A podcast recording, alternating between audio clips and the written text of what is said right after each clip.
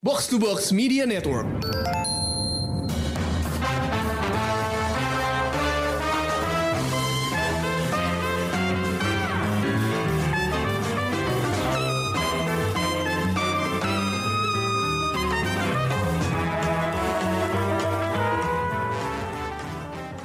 Pendengar Showbox, balik lagi ke sebuah episode Korea Vaganza. Memang kita lagi akhir-akhir ini banyak banget episode Korea Vaganzanya, karena selain drakor, kita juga nonton film di bioskop. Tapi yang kita bahas kali ini ada dua judul drakor yang populer banget.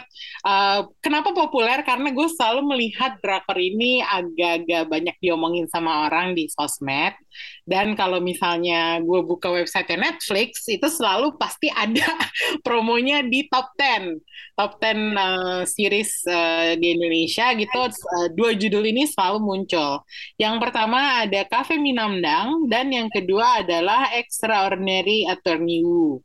Uh, itu emang gue ngerti sih kenapa populer ya stylish banyak eye candy ceritanya lucu meskipun yang satu lucunya lebay yang satunya lagi lucunya lucu manis gemes gitu nah gue uh, udah ngajak Ulil sama Krista buat ngebahas dua drakor pilihan kita hari ini hey guys Halo. Halo. Gimana nih? Yuk kita ngomongin Cafe Minamdang ya. Gue udah gak sabar sih sebenarnya. Baru tamat nih ya. Baru, baru tamat tamat uh, baru Hmm. tamat uh, hari Selasa pas minggu ini minggu ya. ini Ya, kita saat kita rekaman ini ya. rekaman ini adalah uh, dua hari setelah Cafe Minamdang selesai. Uh, jadi yang pertama pengen gue tanyain sama lo, sebenarnya ini genre apaan sih? Gue jujur aja nggak pernah nemuin uh, drakor selebay ini. Dan kalau menurut gue uh, campuran genrenya rada-rada bikin apa ya, rada-rada bikin pusing. Karena gue nggak tahu ini mau mengklasifikasi sebagai komedi dan komedi yang kayak gimana atau cerita detektif atau atau gimana sih sebenarnya pendapat kalian tentang drakor ini pada dasarnya tuh apa gitu? Ini cerita buat gue ini cerita tentang IT aja kayaknya ini. Ini detektif crime komedi ya, Iya. Masukin. komedi sih komedi. Komedi sih, emang Ah. pastinya ya, soalnya dari opening scene-nya aja udah kayak apa Komikal. gitu. Lumayan komikal kan Iya komedinya. semua semua karakternya juga jadi emang kayak tokoh komedi aja tuh semua. Sejujurnya gue pertama kali nonton drakor ini adalah karena si Krisna nyebutin ini uh, agak-agak sejalan sama Vincenzo yang rada Iya, absurd memang betul. ya. Mm-mm. Tapi setelah gue tonton, Minamdang jauh lebih absurd sih kalau menurut gue. Karena apa ya, kok ada orang selebay si Nam Hanjun gitu. Gimana ya, kayak gue Ya, kalau ya kalau menurut gue emang pas gue nonton awal awal-awal episode awal gitu ya Hmm. episode pertama kedua gitu kelihatan kayak tone-nya itu pengen kayak Vincenzo maksudnya crime-nya Ya. serius Kera- tapi eh, karakter yang menyelidiki ini semua tuh komedi gitu itu kan Vincenzo kayak gitu Hmm. kan karakter crime-nya serius banget kan Hmm. Tapi, tapi bodornya ya juga memang- ada gitu. Eh, eh, maksudnya ada ada yang lumayan komedinya yang lumayan lebay gitu tapi ya menurut gua sejak pertengahan ke belakang tuh ya memang ini sih bukan cuman lebih absurd tapi juga lebih inferior jauh sih dibanding Vincenzo maaf maaf aja Jadi awalnya strong, tapi ke belakangnya rada-rada melelahkan sih Iya, kalau menurut betul. gue. Menurut gua juga gitu Tapi kita ngomongin karakternya dulu deh. Mm-mm. Siapa nih yang mau bahas karakter-karakter menonjol di Cafe Minamdang? Mungkin Krisna dulu kali. Hmm, siapa yang menonjol? Gua paling gua suka di sini sih sebenarnya ya ini sih di- justru dinamika polisi-polisinya sih. Oh, Jadi iya si iya. si karakter utama ceweknya yang si Han Jae Han Jae Hui yang Mhm. diperanin sama Oh Yeon So kan dia ceritanya terus tiba-tiba masuk mimpin kelompok polisi yang le- cowok-cowok lebih senior gitu kan. Iya. Iya. kan gitu. Anak Dan baru. awal-awalnya kan awal-awalnya lumayan biasalah maksudnya laki-laki senior Korea lagi gitu kan. Eh, terus dipimpin perempuan awal-awalnya ada gesekan juga gitu kan masalah senioritas gitu segala macem. Tapi akhirnya kan kayak lama-lama dinamikanya justru makin lucu menurut gue kayak akhirnya si polisi paling seniornya mengakui kapabilitasnya si Jaehui terus akhirnya si si Jaehui-nya juga minta maaf kalau sikapnya pernah nyebelin apa dan akhirnya minta minta tolong bantuan dan bimbingan sama seniornya itu akhirnya jadi dinamikanya jadi lebih solid dan lucu sih menurut gue. Hmm, oke. Hmm. Kalau Leo, uh, karakter mana yang menonjol di Cafe Minamdang? Uh, karakter Nam Han Jun yang diperanin sama So Induk. Ini tuh tokoh utamanya ya si uh, opa-opa, opa fashion natchez-nya. Uh, awalnya sih dia cukup menarik perhatian ya karena fashionnya yang lucu gitu, terus uh, gayanya eksentrik dan ternyata setelah diketahui oh ternyata dia dulunya tuh detektif dan sekarang dia nyamar jadi dukun gitu kan. Profiler. Profiler terus kayak uh, apa namanya dia bikin usaha dukun ini bareng sama keluarganya. Bisa itu tuh gila sih dia bawa adiknya disuruh cabut dari bin untuk jadi timnya dia. Terus um, mengetahui ternyata di balik dia jadi dukun itu ternyata dia mau memecahkan sebuah kasus yang yang menimpa dirinya sendiri gitu loh yang apa ya uh, eh, gue harus cari tahu uh, kasus ini uh, selesainya kayak gimana dan gara-gara kasus ini dia juga harus dipenjara gitu kan. Kasusnya juga menimpa teman dekatnya banget. Eh ternyata uh, dia berkenama dengan uh, Jaehui yang uh, adiknya adiknya si temennya itu yang jadi korban. Menarik sih, gue juga awal gue uh, dari awal ke belakang tuh gue amazed karena kok dia tuh pinter banget ya menemukan uh, apa uh, jawaban-jawaban dari setiap kasus yang datang ke dia gitu loh. Mungkin karena hmm. jam jam terbang juga kali ya kayak hmm. dia bisa tahu gitu bajunya kotornya kotor karena apa goresannya karena apa nih gara-gara apa kayak gitu-gitu sih. Karena dia cukup... profiler kan memanfaat dia masih memanfaatkan skill dia sebagai profiler kan. Iya ya ternyata terus kayak gue cukup amazed aja sih sama skill dia yang itu. Ternyata nggak sia-sia sampai uh, episode final. Berguna semuanya dan cara berpikir dia tuh yang apa ya ingatannya cukup ini ya ingatannya cukup bagus ya kencang hmm. banget gitu baik dia hmm. menghafal angka-angka uh, baca file gitu jadi dia cukup menarik perhatian gue sih Hmm, Oke, okay. tapi uh, kalau tadi Krisna kan uh, udah nyebutin geng polisinya ya. Hmm. Sebenarnya si Nam Hanjun tuh juga punya geng kan, yang adiknya, terus sahabatnya yeah. si Gong Suchol, terus ada si dan yang karyawannya. Mereka berempat kan ke mana-mana biasanya bareng tuh. Mm-mm. Kalau menurut lo lebih menarik gengnya Minamdang atau geng polisi? Gue Minamdang sih. Oh. Kayak se- semuanya tuh punya skill. Skillnya saling membantu. Hmm. Walaupun adik adiknya adiknya yang uh, cewek yang di uh, apa namanya diperanin sama Kang Mina ya kalau nggak salah ya. Hmm, betul. Nah, Jun tuh itu gue itu tuh kayak dia tuh adalah kunci dari core ini. Karena kalau nggak ada dia, itu kayak nggak kebantu semua gitu loh. Maka tadi di awal gue bilang ini film tentang IT. Peran dia penting sih. Karena dia yeah. penting banget kan, nyadap telepon, nyadap CCTV, hmm. dari segala-galanya. Lancaran operasinya di tangan dia banget sih. Iya iya iya iya, nggak heran dia anggota bin ya. Gue jadi pengen jadi anak IT nih rasanya habis nonton ini. Kalau gue jujur aja tertarik sama sahabatnya Nam Hanjun sih, si Kong Suchol itu. Soalnya Oh, itu lucu sih. Itu ngagetin banget. Maksudnya sebagai karakter dia tuh nggak bisa ditebak. Gue nggak bisa nebak dia tuh sebenarnya mau ke arah mana gitu.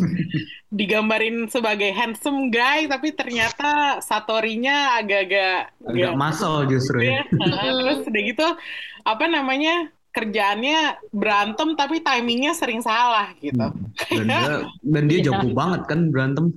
Iya, jago banget, banget berantem tapi timingnya suka salah gitu loh. Itu gimana lebih jago gitu, dari si Nam Hanjun kan hmm. kalau berantem.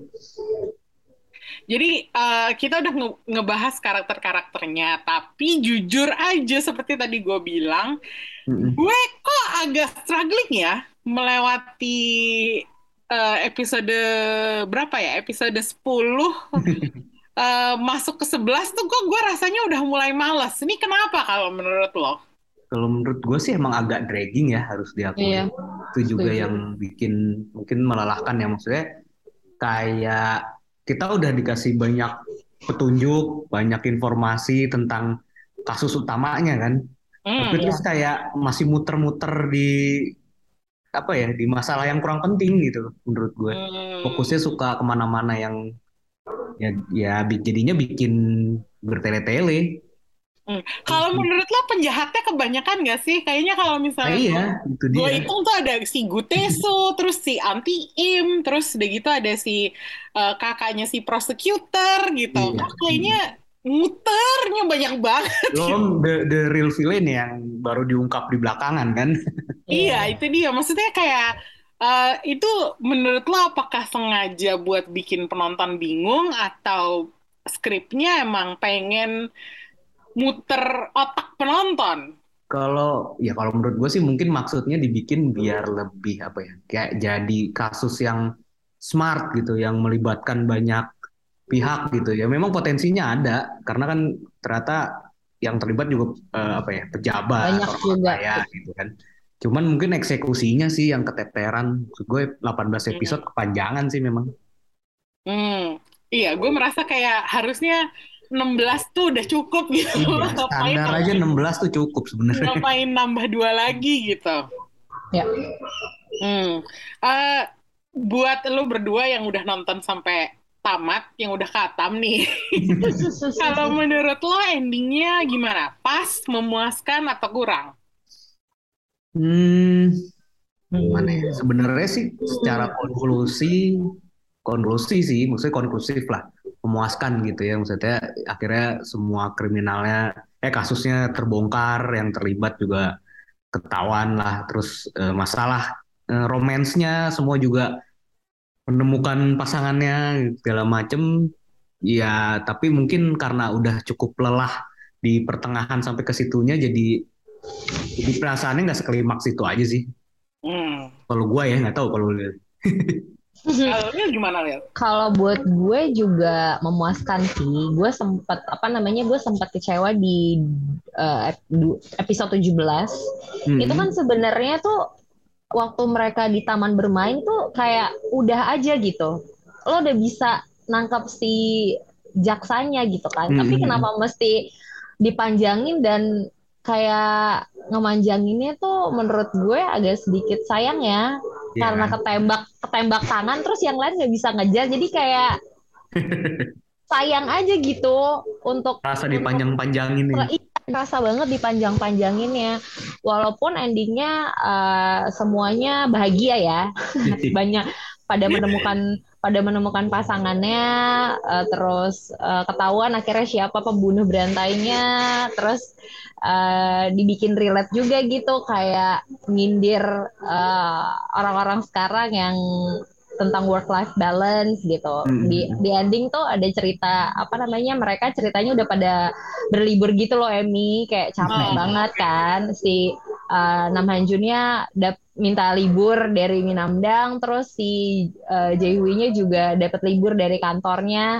Tapi waktu mereka liburan tetap aja gitu. Ada yang nelpon masalah kerjaan tetap kepikiran gitu loh. Terus yang uh, di akhir ada ditis lagi satu kasus baru gitu terus kayaknya ya udah deh kita selesai jadi kayak uh, nyolek di akhirnya mencolek tentang realita work life balance tuh ada tapi menurut gue sih tetap ini panjangan. Sayang banget sih panjang banget. Tadi kalau kata Krisna 16 ya Kris? Harusnya.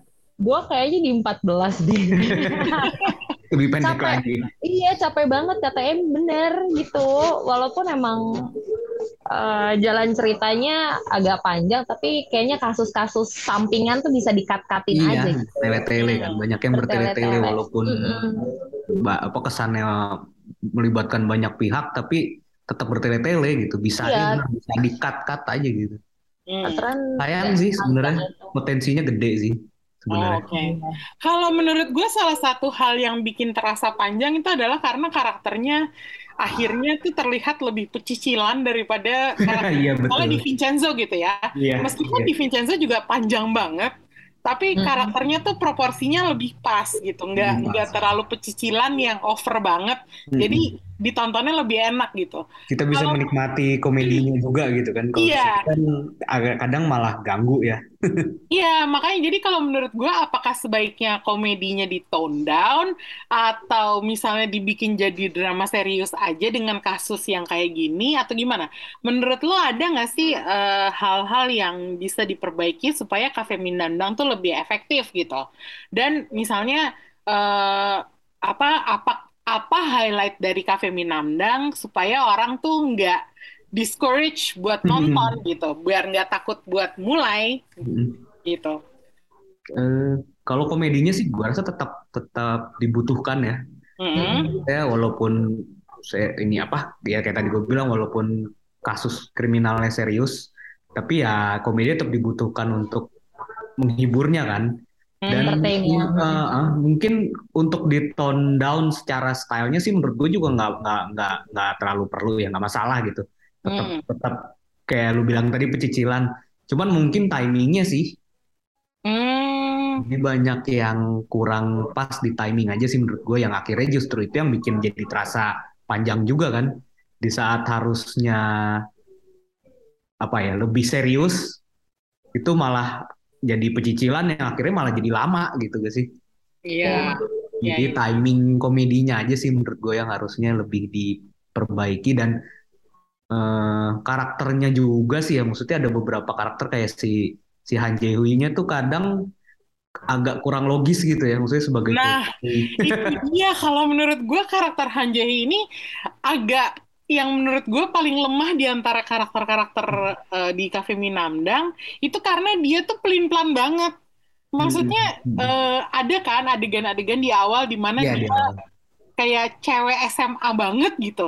Ya. yang yang diem-diem naksir sama si tokoh utamanya, Eh, tapi dia seharusnya tampil sebagai polisi yang kompeten. Itu agak clashing kalau menurut gue dan Ya. akhirnya gue nggak tahu harus harus percaya sama dia apa enggak gitu. dia kayak banyak di awal-awal ya terutama kalau menurut gue di pertengahan ke belakang dia agak lebih lebih baik sih karena uh, akhirnya dia menyadari kesalahannya kan akhirnya dia percaya Hmm. sama metodenya Hanjun juga terus akhirnya dia lebih percaya sama timnya juga tapi memang di awal-awal tuh suka apa ya faktanya udah di depan mata banget gitu kan Mm-mm. kayak tentang siapa Hanjun dan apa, apa maksud gue kayak motivasi Hanjun tuh apa gitu kan Hmm. terlibat dalam kasus-kasus ini tapi kayak kenapa nggak lu masih meragukan juga gitu padahal faktanya udah jelas banget gitu Hmm. di mana dia sebagai detektif yang diceritain kompeten kan makanya dia naik jabatan jadi kepala tim segala macem itu jadi nggak konsisten kan Iya, akhirnya jadinya kelihatannya malah kok lo bisa sih naik jabatan cepet banget gitu. iya Em, kalau lu ada nggak merasa yang hal-hal yang perlu diperbaikin dari Cafe Minamdang supaya orang tuh nontonnya tuh bisa lebih enak gitu? Eh, itu sih kasus-kasus kasus-kasus yang ditanganin sama Hanjun menurut gue kebanyakan sih. Oh, Akhirnya membuat membuat kasus utamanya jadi lama banget selesai di luar. Tadi gue setuju sama Emi dan Krisna karakter eh Hejunya yang eh Jaehui-nya yang lu tuh kok tidak menggambarkan sebagai kepala polisi banget gitu. hmm, kurang iya. kurang apa ya kurang firm aja dia ada di jabatan itu walaupun eh, yang selalu diandalkan jagonya dia berantem dan gak pernah kalah ya cuman kan cuman Dan kan stra- akhirnya udah udah bosen taktiknya juga akhirnya ya. Iya iya udah tahu gitu kalau ada eh, pengawal ataupun algojo yang nyerang dia pasti dia yang menang kita udah pasti tahu gitu kan cuman yang disayangkan itu tadi strategi dan taktiknya tuh kayak kurang aja gitu Hmm. jagoan si Hanjun dan Geng. ya uh, gengnya dan kasus-kasus yang nggak apa ya kayak kasus kan di belakang juga masih dikasih lihat tuh ya kasus si Minamdangnya juga kan Mm-mm. ada yang kedukunnya juga itu menurut gue nggak penting sih walaupun walaupun mau menggambarkan eh, kita nggak bisa nih kalau lo cuti kita nggak bisa dapet duit kalau kayak gini Hmm. kita emang nggak kompeten gitu jadi cukup sayang aja sih dengan Hmm. hal-hal itu Setuju juga sih Oke. Jadi kalau orang yang belum nonton, belum mulai nonton, dan baru mau mulai nonton setelah dengerin kita review ini, apa yang lo bisa kasih tahu ke mereka supaya mereka nggak nggak langsung nyerah di awal gitu? Oh, kalau buat gue, caranya Nam Hanjun menyelesaikan setiap kasus tuh unik. Hmm.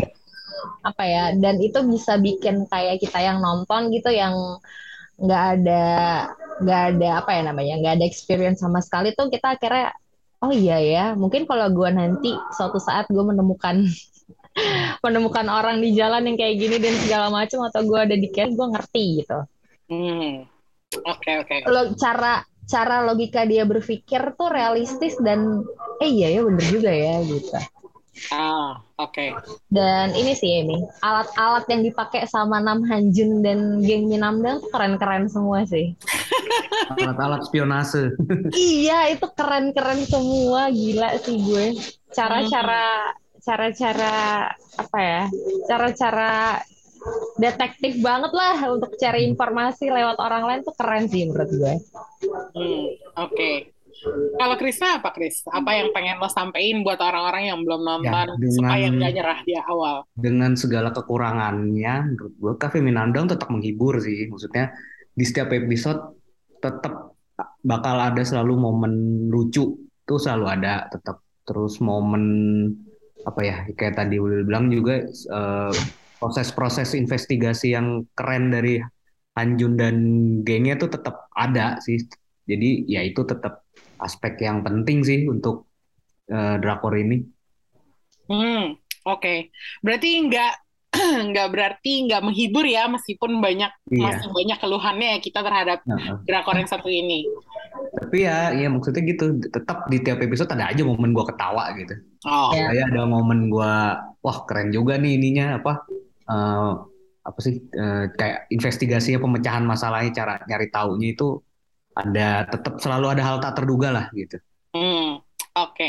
Berarti bagi yang menonton Cafe Minamdang jangan nyerah di awal meskipun 18 Hmm. episode lo bisa melalui hal hal-hal Iya. itu Pelan-pelan aja, ya, pelan-pelan, pelan-pelan. Pelan-pelan ya, pelan-pelan. Oke, sekarang kita switching ke drakor berikutnya yang menurut gue A-list banget nih kayaknya. Iya, Kayaknya ham- di setuju. hampir setiap episode ada wajah yang gue kenal Hmm. Eh, dan ini ceritanya cukup unik juga ya, yaitu eh, tentang pengacara yang berada di eh, spektrum autisme yang ternyata jago banget jadi pengacara gitu. Genius. uh-uh. Genius. Yaitu Extraordinary Attorney Wu. Eh, kisahnya memang dibalut sama kasus-kasus courtroom yang agak jelimet, tapi penyelesaiannya oleh Attorney Wu yang autistik ini tuh Hmm. keren kalau menurut gue. Eh, gimana pendapat lo tentang penyajian cerita-cerita di eh, Extraordinary Attorney Wu? Courtroomnya seru sih menurut gue itu banyak kasus-kasus yang mayoritas perdata sih ya di sini kan. Hmm, Banyak Ya. kriminal lebih banyak perdata. Ada juga sih kriminal beberapa tapi banyak kan perdata kan. Mm-mm. Jadi banyak hal yang mungkin secara hukum kita tuh nggak ngerti gitu sama sekali. hmm, Yes. Kasus kontrak apalah gitu kan, kasus hak cipta segala macem.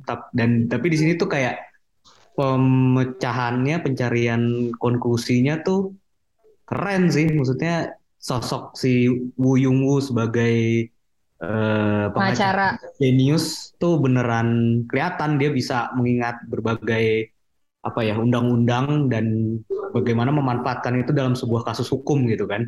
hmm, iya iya. Dan dan gue juga suka ini sih maksudnya si dia kan kerja di sebuah law firm ya Han, Hanbada law firm ini Ya, kan. Hanbada. betul. Nah si Hanbada ini nggak selalu ada di pihak yang menurut kita baik gitu. Oh, Iya nggak sih? Ada betul, beberapa betul. kasus justru dia tuh ada di pihak yang menurut kita lebih jahat gitu, lebih salah gitu. Iya, Nah, betul. tapi akhirnya selalu si Yung Woo ini bisa menemukan win-win solution untuk semuanya gitu kan. Hmm, Yes. Gue gue suka sih dengan realita itu sih. Ya maksudnya sebagai law firm kan memang ya pasti profesional kan. Terkadang lo emang harus apa ya punya klien yang memang secara kasus sebenarnya lebih salah gitu kan. Hmm. Kalau gue senengnya di sini seakan-akan digambarkan eh, hukum itu buta gitu loh nggak ada dia nggak memihak orang baik apa orang jahat dia ada di situ sebagai panduan orang untuk nggak berbuat apa ya untuk Iya. untuk nggak berbuat eh, Merugikan orang lain lah. ya merugikan orang lain gitu. Kalau gue senengnya sih itu ya. Nah, Mm. kalau Lil gimana tentang penyajian cerita di Extraordinary Attorney Wu? Gue sih cukup suka ya. Gue belum khatam kayak Emi sama Krisna, tapi bentar lagi selesai. sampai sampai gue sampai di episode eh, 12 sekarang tuh gue Sedikit lagi. dikit lagi gue sangat menikmati setiap ceritanya di luar ceritanya membawa case yang berbeda-beda gitu.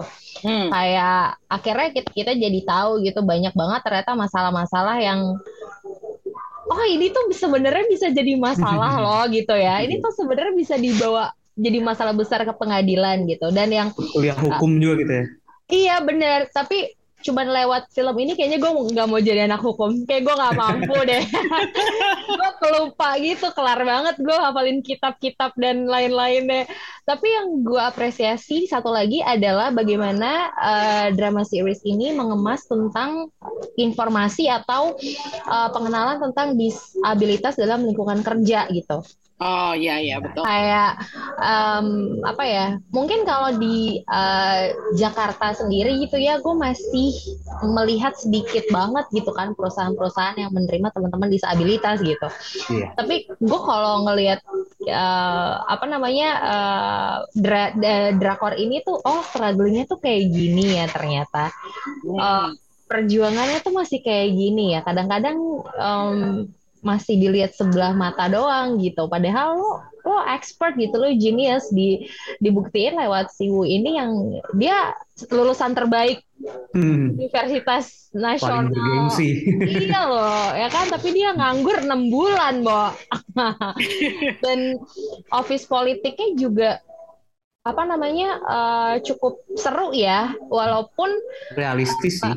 realistis gitu. Hmm. Bahkan apresiasi dengan teman kantornya si Wo yang menganggap Wo itu nggak disable gitu, nggak disabilitas. Kayak ya kita sama-sama orang normal dan kita sama-sama fight gitu dengan kebukti dia selalu mau ngejatuhin si Wu tapi tetap nggak bisa jatuh juga kan karena karena ya karakter dia dan apa yang dia lakukan untuk memenangkan kasus tuh kebukti gitu sih. Gue sih suka ya di Iya sih. setiap uh, episode dan cerita pilihan-pilihan kasusnya Iya, juga gua- variatif gitu.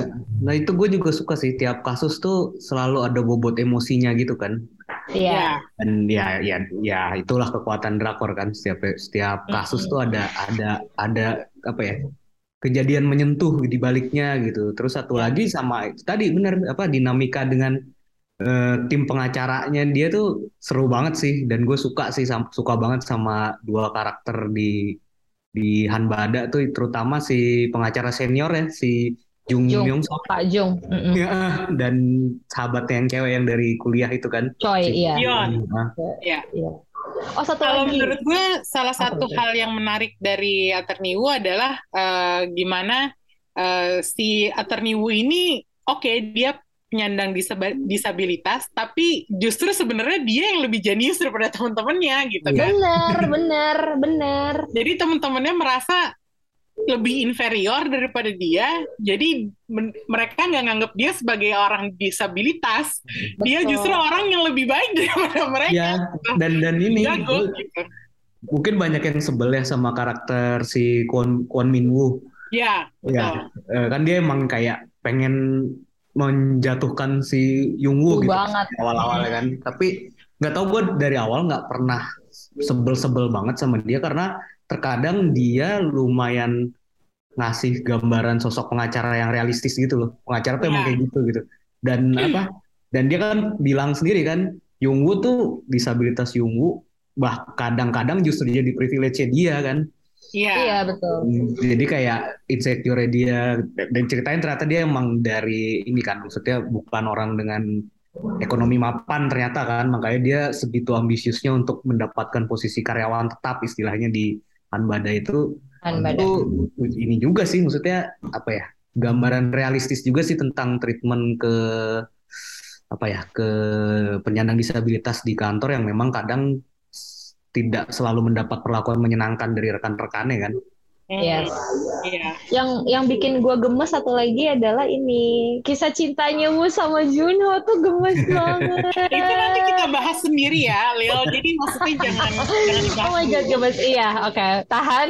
tahan tahan dulu tahan dulu soalnya gue pengen ngomongin tentang si Woo Young Woo-nya dulu Ya. Eh, diperankan oleh Park Eun Bin Eh, menurut lo penggambaran dia sebagai karakter dengan autisme itu gimana apakah meyakinkan atau berlebihan Hmm. atau gimana karena eh, yang gue tahu ya autisme itu nggak bisa didefinisikan dengan satu penggambaran aja gitu Iya, Ya. spektrumnya luas banget. spektrumnya luas banget dan uh, orang out yang disebut dengan orang autis itu bisa jadi punya beberapa karakteristik yang mirip tapi uh, juga banyak perbedaan gitu. Iya, ini kan Betul. sempat dibahas juga kan di salah satu episode Betul. yang kliennya juga memiliki itu, tapi terus kayak si Wuyung Wuyung bilang kan kalau kayak kita beda gitu, nggak semua penyandang apa autisme tuh Sama. kasih Sama. melakukan komunikasi yang sama gitu. Iya.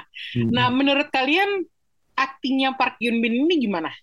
Sebagai Hmm. orang yang mengidap autisme dan uh, sebagai uh, karakter yang digambarkan jadi jenius Mm-mm. karena autismenya itu.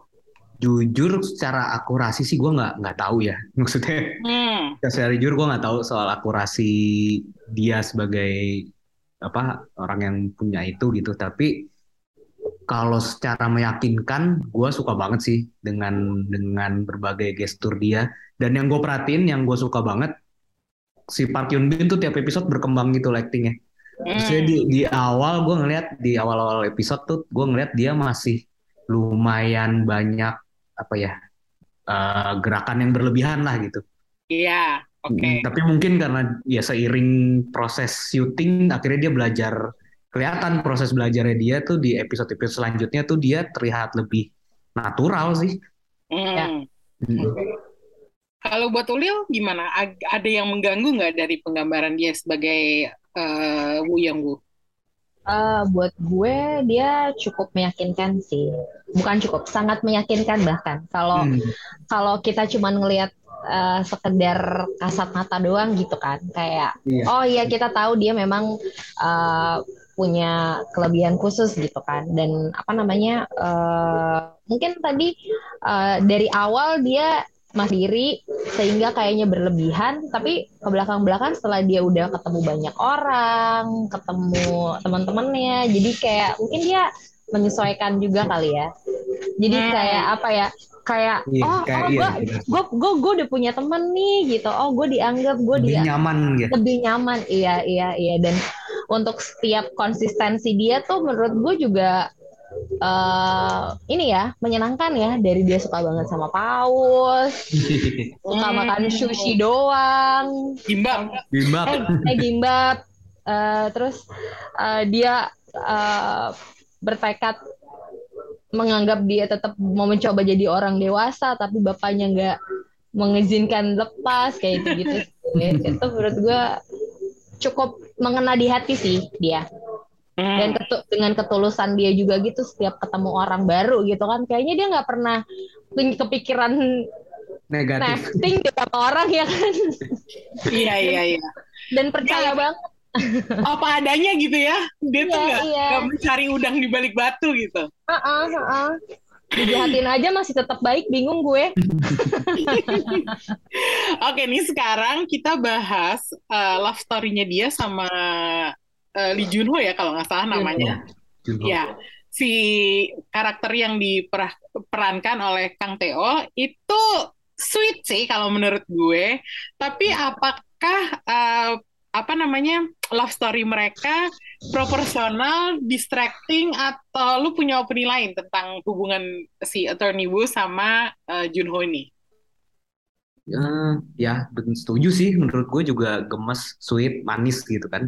Mm-mm. Eh, hubungannya terus eh, memang dibutuhkan ceritanya juga mungkin untuk memberi apa ya emosi lebih gitu kan ke dalam ceritanya. Mm. Tapi jujur gue di beberapa momen agak kurang suka sih justru sama Junho. Oh, Kayak pelin-pelan kayak ada beberapa momen kan dia justru justru masih justru yang nyebelin dia gitu kayak apa ya? Bolak-balik lu suka sama gue ya? Itu gue bete sih. Apa ya pa- kayak pas dia mungkin waktu itu, belum di- mereka belum belum ada relationship apa-apa ya. Cuman pas kayak dia pertama apa dia lagi jalan sama si Yungwoo terus dia ketemu teman-temannya gitu kan. Terus temen-temennya kan ngira dia kayak lagi apa Biar lagi sukarelawan. da- pendampingan segala macem kan. Itu dia kayak lu mau ngomong bilang itu temen kerja lo aja susah banget sih gitu itu Hmm. pertama terus pas yang kalau ingat mungkin yang di Jeju juga yang yang Iya. momen di Jeju yang dia lagi nemenin si Yungwoo ngelihat lumba-lumba kan Hah? dia kayak ngeburu-buruin gitu itu menurut gua kurang Maksud- maksudnya itu hal yang sangat diimpikan seumur hidup Yungwoo gitu kan Hmm. diburu-buruin terus pas dia ngomong sama kakaknya juga dia nggak bisa tegas gitu soal soal Yungwoo gitu tapi ya ya di momen itu doang sih secara keseluruhan menurut gue mereka cukup sweet sih Hmm. Kalau Ulil gimana? Sepertinya gue menangkap kesan bahwa Ulil menganggap eh, kisah cinta mereka itu the sweetest of the sweet. iya ya karena gue suka sama chemistry-nya mereka berdua ya kayak Hmm. Setiap gesturnya tuh ternyata sama-sama menyayangi dan memperhatikan gitu loh Hmm. si dua orang ini. Tapi eh, yang jadi concern gue tuh em, eh, si Wong Yu kan disabilitas gitu kan, punya adalah gitu. Gimana cara Juno tuh bisa dare against the world gitu loh, Ya. mematah mematah apa ya, mematahkan eh, pandangan miring orang, mematahkan kalau Keraguan. Eh, keraguan orang kayak yang eh, autis ini bisa punya pasangan dan segala macam gitu-gitu sih. Hmm. Gue gue berharap apa ya karena gue belum lulus, gue berharap nanti itu kayak menganggap bahagia. bahagia dan akan menganggap semua orang tuh bisa menerima itu dengan normal gitu loh. Hmm. Ya, Kayaknya kayaknya gue gue nggak bisa bilang kisah mereka berakhir bahagia juga ya. Karena oke. karena itu kalau menurut gue masih dalam perjalanan mereka. Perjalanan mereka tuh belum selesai. Meskipun di akhirnya seakan-akan udah selesai, tapi gue Mhm. gue merasa kayak mereka tuh masih dalam proses gitu. Karena si Yonggunya sendiri bilang bahwa sebagai orang yang mm, punya autisme. dia itu hidup untuk dirinya sendiri. Dia Oke. bukan hidup untuk orang lain. Jadi gue masih menganggap bahwa sebenarnya si Ju- si Junho-nya ini Junho. lebih sayang sama eh, si Yongwoo daripada Yongwoo sayang sama Junho.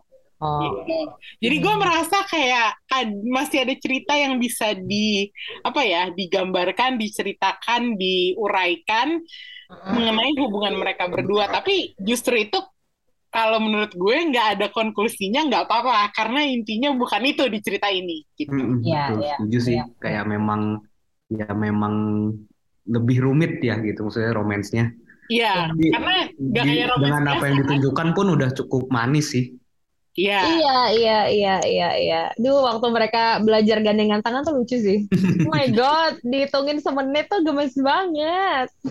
Gemes sih, cuman eh, lu paham kenapa mereka akhirnya nggak bisa juga gitu. Iya, iya, itu dia Iya. makanya. Sampai menit gitu. Mm, mm, mm, mm. Kayak, oke, so- kita agak beralih sedikit dari karakter Love story. eh, Mm, mm. ya apa namanya karakter dan love story-nya si Woo Young Woo sama Lee Jun Ho. gue pengen tahu ada nggak karakter di Extraordinary Attorney Woo yang buat lo tuh ngeselin banget sampai lo pengen tampol gitu. Kayaknya kalau misalnya kita ngomongin uh, karakter kan tadi kita udah bicara bahwa sebenarnya di sini penggambaran pengacaranya tuh cukup realistis. Tapi ada nggak sih orang yang sampai dari awal sampai akhir tetap lo nggak bisa suka sama dia gitu? Eh, gue dia baru muncul baru dapat porsi lebih besar di terakhir-terakhir sih sebenarnya. Hmm. Pas dia menggantikan posisi si Jung Myung Sok kan. Ah, Nah, si Jang, Ja- apa si pengacara senior Jang Sung Hoon itu sih. ya. Itu itu asli itu the real villain-nya drakor ini sih. Sebel banget. Masalahnya dan dia inkompeten juga kan. Iya, dia dia sebagai pengacara senior jauh banget dibanding si Jung. Iya, jadi kayaknya kesannya kayak Jung itu digantikan sama orang yang ah, payah banget Iya, ya. heeh. Dulun. bukan cuman nggak bisa berempati sama Yungwoo, dia juga bego, Hmm, nggak ada apa-apanya secara kecerdasan gitu. hmm. Kalau Lil belum tamat, tapi eh, ada nggak Lil karakter yang bikin lo kesel banget? Hmm, kesel banget sih nggak ada loh. Nggak ada ya? Ah, ah. kayak pas aja gitu semua porsinya. Hmm, oke. Kalau gue sebenarnya kurang suka sama karakter Taesumi Wah, yang bukannya Wuyang Bu. Soalnya kalau menurut Iya. gue dia selfish aja gitu. Kayak it's, she's not a good mother aja kalau menurut gue ya. Kayak iya sih tapi bener. nggak perlu ada dia gitu. Iya. Dia Ya, nggak bikin Wuyang Bu jadi bahagia juga gitu. Hmm. Walaupun dia udah tua, nggak ada gunanya juga ya dia buat Young Woo ya. gue jadi agak-agak apa ya gue agak-agak merasa dia tuh eh, tadinya gue berharap dia bakal bakal membaik di belakang tapi ternyata enggak gitu. Justru malah dia kayak kesannya apa ya eh ya nggak peduli aja sama Woo Young Woo gitu. Dan karena karakter Young Woo kuat banget jadi gue agak kurang suka sama karakter Taesumi gitu maaf aja ya Walaupun dia terlihat cukup ini sih, cukup powerful dan smart sih. Ya, powerful dan smartnya iya gue akuin. Hmm. Cuman karena kita ngomongin kaitannya dia dengan si Ya. Antar Ibu kan, jadinya Iya sih ngasih, iya kurang nggak ada dia juga nggak apa-apa sih bener. iya kan. Jadi kayak Iya juga nggak apa-apa. Nggak ada dia juga nggak ngaruh ke kehidupan Woo Young Woo gitu. Em, kalau kita ngomongin kasus-kasusnya, ada nggak satu kasus yang menonjol buat lo? Hmm, Kasus. aduh banyak sih. Apa ya? Banyak lagi. Hmm, Banyak. Oke. kasusnya, oh gue sih, tapi kalau gue paling suka tuh yang eh, sebenarnya paling suka tuh yang kasus eh, imigran Korea Utara itu kan, yang dia Oh, Selamatin anaknya ya. Mm-mm. ya ya ya. itu kan di situ lumayan ada social commentary-nya kan tentang diskriminasi segala macem kan. Hmm. Iya. Sam- selain itu sama ini juga sih. Awalnya gue cukup kaget karena ini si Ko Gyu-won cuman jadi maksudnya dia sebelumnya udah jadi role di DP sama Monsters gitu. Ini di sini cuma jadi guest di kasus itu yang Liberation Army, Children Liberation Army itu. Oh, iya itu kasus agak-agak agak-agak nyentuh sih kalau Iya, menurut maksud gue. gua itu itu juga itu juga social commentary banget kan ya tentang Iya. uh, pendidikan di Korea yang apa sangat sangat melelahkan untuk anak-anak gitu kan. Hmm. Dua itu sih yang paling gue inget dan dan terutama karena yang main si Ko Gyo-won Hmm. gitu sih. Kayak dia sebenarnya terlalu bagus untuk jadi terlalu sayang untuk jadi guest doang satu episode gitu. Oh, harusnya lebih ini ya, lebih Hmm, ya bisa nggak jadi apa-apa. recurring cast yang lebih Nah, besar. tapi ternyata setelah gue nonton episodenya kayak gue ngerti sih kenapa harus dia yang main. Oh, Ya oke. kan karena emang karakternya cocok banget untuk dia. Hmm, oke. Kalau gue se- sebenarnya yang gue suka tuh kasus yang melawan para biksu itu. Oh, yang terakhir ya, Ya, yang terakhir tentang Eh, apa namanya? Biksu itu yang juga ya. yang sebenarnya dia mengambil memungut biaya untuk melewati sebuah jalan Mm, karena alasan-alasan yang bagus sebenarnya buat lingkungan hidup, Iya. cuma sayangnya agak merugikan. Sayangnya hukum tidak tidak apa sesuai hukum nggak nggak sesuai Iya, hukum. itu dia. Kayak maksudnya jadi kita bisa lihat bahwa hukum itu nggak memihak ke ke pihak yang apa ya, yang sebenarnya tuh melakukan perbuatan baik juga gitu. Mm, mm, mm. Gitu. Jadi apa namanya kasus-kasusnya sih menarik ya kalau menurut gue. Uh, Mhm. Unil ada nggak kasus favorit sejauh ini? Sejauh ini gue tuh suka yang eh, itu loh, panglima tentara pembebas anak-anak. Iya, Children's. Iya, itu tuh gue sempat mengeluarkan air mata sih waktu di pengadilan terakhir tuh kayak, oh anak-anak itu capek sekolah, Beb, gitu. Kasihan banget gitu ngelihat ya, sampai mereka diajak uh, liburan ke bukit aja sebentar tuh seneng banget kan. Hmm. Sampai dia ngebelain banget tuh. Dan dianggap pahlawan gitu. Yang nggak pahlawan beneran gitu kan, yang bener-bener ngikutin ngikutin apa kayak janji gitu ya, harus sehat, harus Mm-mm. ap- Bahagia. apa bahagia gitu-gitu itu kayak bener-bener ngena banget sih. Satu lagi yang eh ada dua. Satu eh, yang kedua itu yang gaun pengantin yang lepas Ah iya iya. iya. Ah, iya ya. itu cukup speak up banget sih ya. Mm-mm. Eh, dan yang ketiga tuh tentang yang ini yang jual tanah tiga keluarga itu loh. Yang temen temennya si Wong Yu juga kasus Iya, temennya si. Yu yang cewek. Apa? Iya, Irami iya, ya. iya. Irami. Iya itu sih. Itu endingnya memuaskan banget sih. Ternyata Wah, apa kayak yang mereka masuk ke rumah mabuk-mabuk itu ternyata sebuah Iya. Dan iya. juga nunjukin bahwa si Woo itu ternyata bisa juga berbuat agak licik ya, ternyata. Iya, Mm-mm, mm-mm. Dia bisa Dan- mau menempatkan dirinya di segala medan perang. Betul, betul, betul.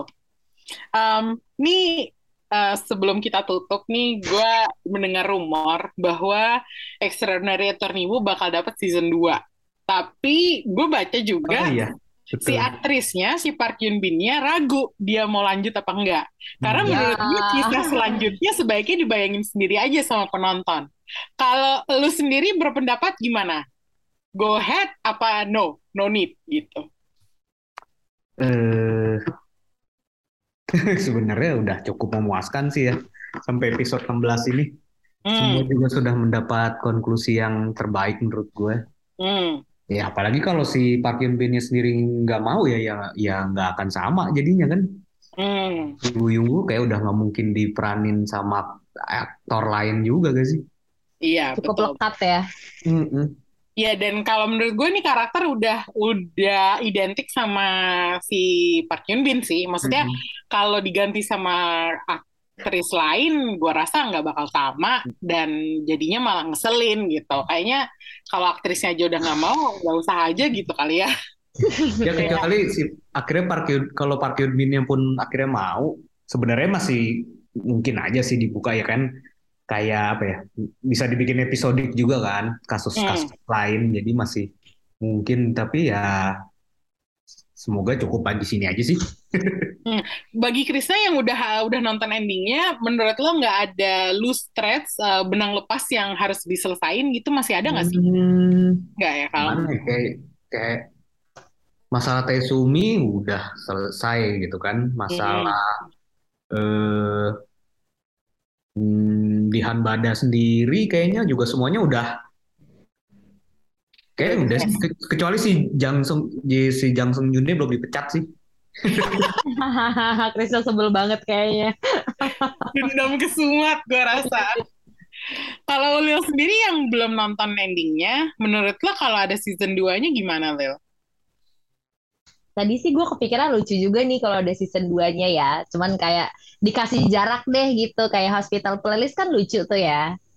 Hmm. Iya. Terus kalau- Iya, gitu. Kalau mendengar eh, Ibu Emi dan Bapak Krisna kok jadi saya nggak yakin ya.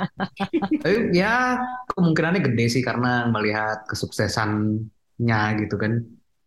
Hmm. Ya tapi dikasih jarak aja gitu biar orang kangen. Kayaknya sih ya, Walaupun dua tahun lah kali ya. iya iya. heeh. Jangan langsung tiba-tiba langsung bikin tahun depan udah langsung keluar gitu ya. Iya iya. Nggak Saya kayak, dikasih ya maksudnya udah ada gitu. contoh suksesnya kayak Hospital Playlist kan menurut gue season 2 justru jauh lebih bagus. Iya. Iya mungkin aja sih. Tapi gue nggak nggak ini loh Chris Hospital Playlist mau ada yang ketiga gue tuh kayak Nah kalau ketiga lagi tuh kayak aduh Terlalu banyak gitu. karena Iya. kalau yang season 2 kan dia udah bener-bener selesai kan. udah Kalau closure banget tuh memang- semua. Mm-mm. Baiklah, dua aja ya. Ada kalau mau. Iya kalau Attorney Wu ini mau ada dua juga semoga dikerjainnya matang-matang lah nggak buru-buru. Ya, Hmm. betul. Supaya Betul, case betul. lebih bervariatif ya. Karena belajar hukum, Bo. ya agak capek juga sih ngikutin istilah-istilah hukum yang keluar apalagi dalam bahasa Korea meskipun ada translationnya tetap aja. Kalau jelimet yang jelimet aja ya sih. Um, itulah tadi kita udah bahas Cafe Minamdang sama Extraordinary Attorney Wu yang dua-duanya sangat populer. Uh, Cafe Minamdang masih boleh lah lo tonton, tapi kalau misalnya agak takut mau 18 episode gitu, nggak apa-apa nonton Extraordinary Attorney atau barengan juga boleh, supaya bisa ada variasinya ya. Kalau yang satu, seperti gue bilang tadi, lucunya komedinya lebay banget, yang satu lagi komedinya lebih lucu-lucu gemes gitu. Jadi ada apa istilahnya lo nggak langsung ditabrak sama satu komedi yang apa namanya, yang memusingkan, pecicilan cicilan, tapi ada istirahatnya juga dengan nonton kisah tentang pengacara jenius tapi autis. Um, inget ingetin lagi nih kita punya banyak uh, episode Korea Vaganza. Uh, ada Korea Vaganza tentang dua film blockbuster musim panas uh, Alienoid dan Emergency Declaration sama Korea Vaganza tentang drakor-drakor justru yang nggak populer uh, sebagai pendamping dari drakor populer yang kita bahas di Korea Vaganza ini. Thank you banget udah dengerin. Kita ketemu lagi di episode berikutnya. Thank you. Bye-bye.